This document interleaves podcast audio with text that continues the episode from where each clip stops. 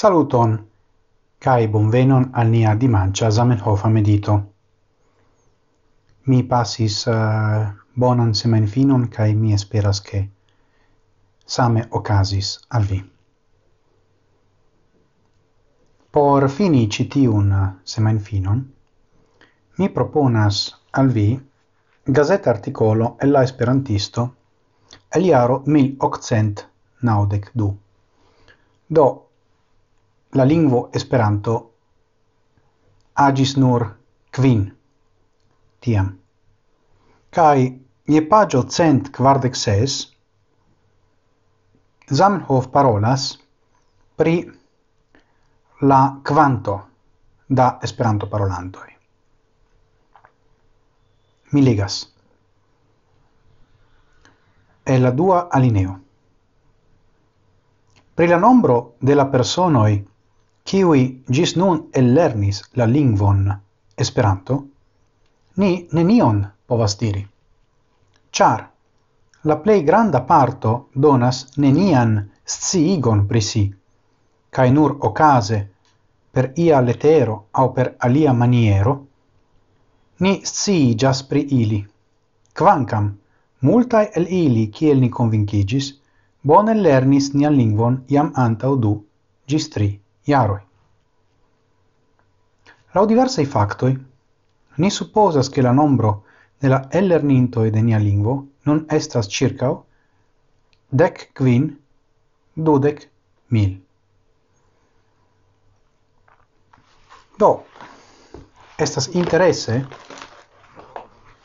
vidi du aspectoin pri la afero de la nombro de la persona qui ellernis la lingvon. Esperanto. Unu, ni nenion povas diri, diras Samenhof. Estas strange, char lau la pritaxo de la Esperanto parolanto e la nombro ne estas tiel grava. Do, en la vortoi de Benedict Anderson, la praktiko komunumo de la esperantistaro kaj de la esperanto parolanto ia parte estas imagata komunumo kion ĝi signifas? Ĝi signifas ke neniu povas koni persone ciuin esperanto parolantoin, sam kiel neniu nederlandano conas ciui nederlandanoi. Do nederlandanezzo estas imagata, identezzo. Cai same esperantistezzo. Mal kiel, exemple, familio. Au, ni diru, apartamentaro en domo. Char ciui conas ciuin, cae ciui scias exacte la socian position de la liai membroi. Exemple, en apartamentaro mi estas en la dua etaggio nun, cae estas iu, kiu agas je la tri etaggio. Cae du familio je la unua etaggio. Cae aliai du familio je la tera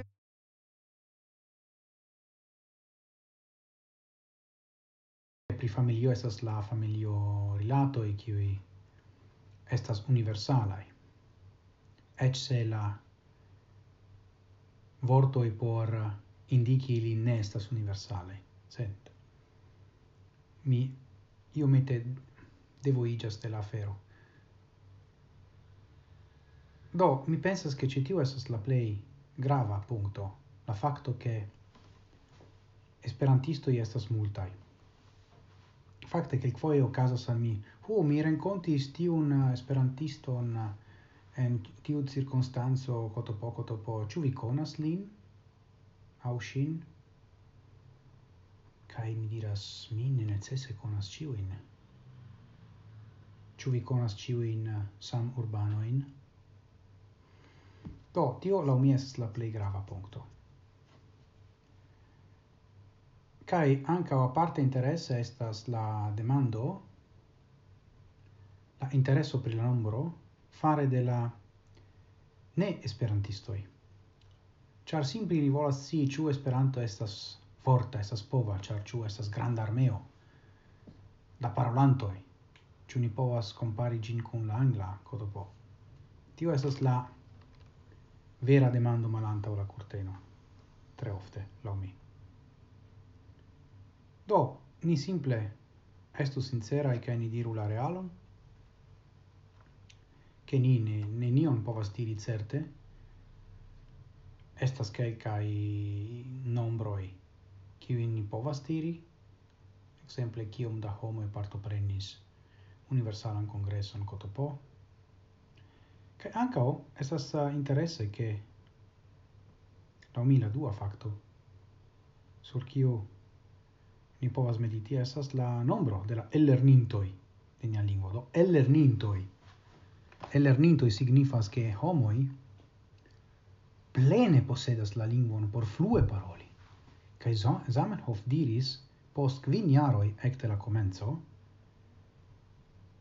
dudec mil kiel supera limo.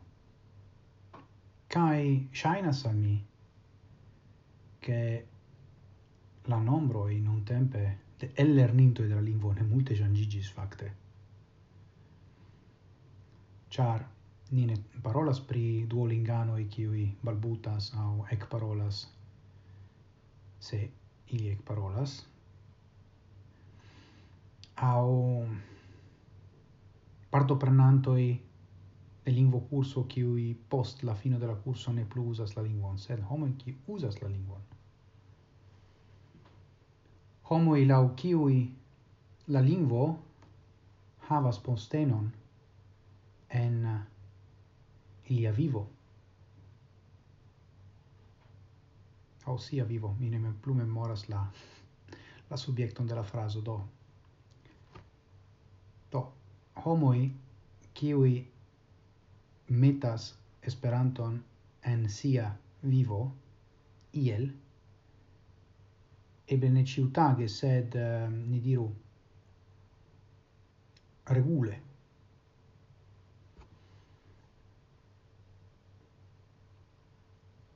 Do, ciu... kion vi pensas per tio? Ciu ni nenion povas diri? Kiam ni estas aldemandataj fare de ĵurnalistoj cotopo kai ni devas toni nombron kiun nombron ni donas? Ĉu ni parolas pri lerninto de la lingvo?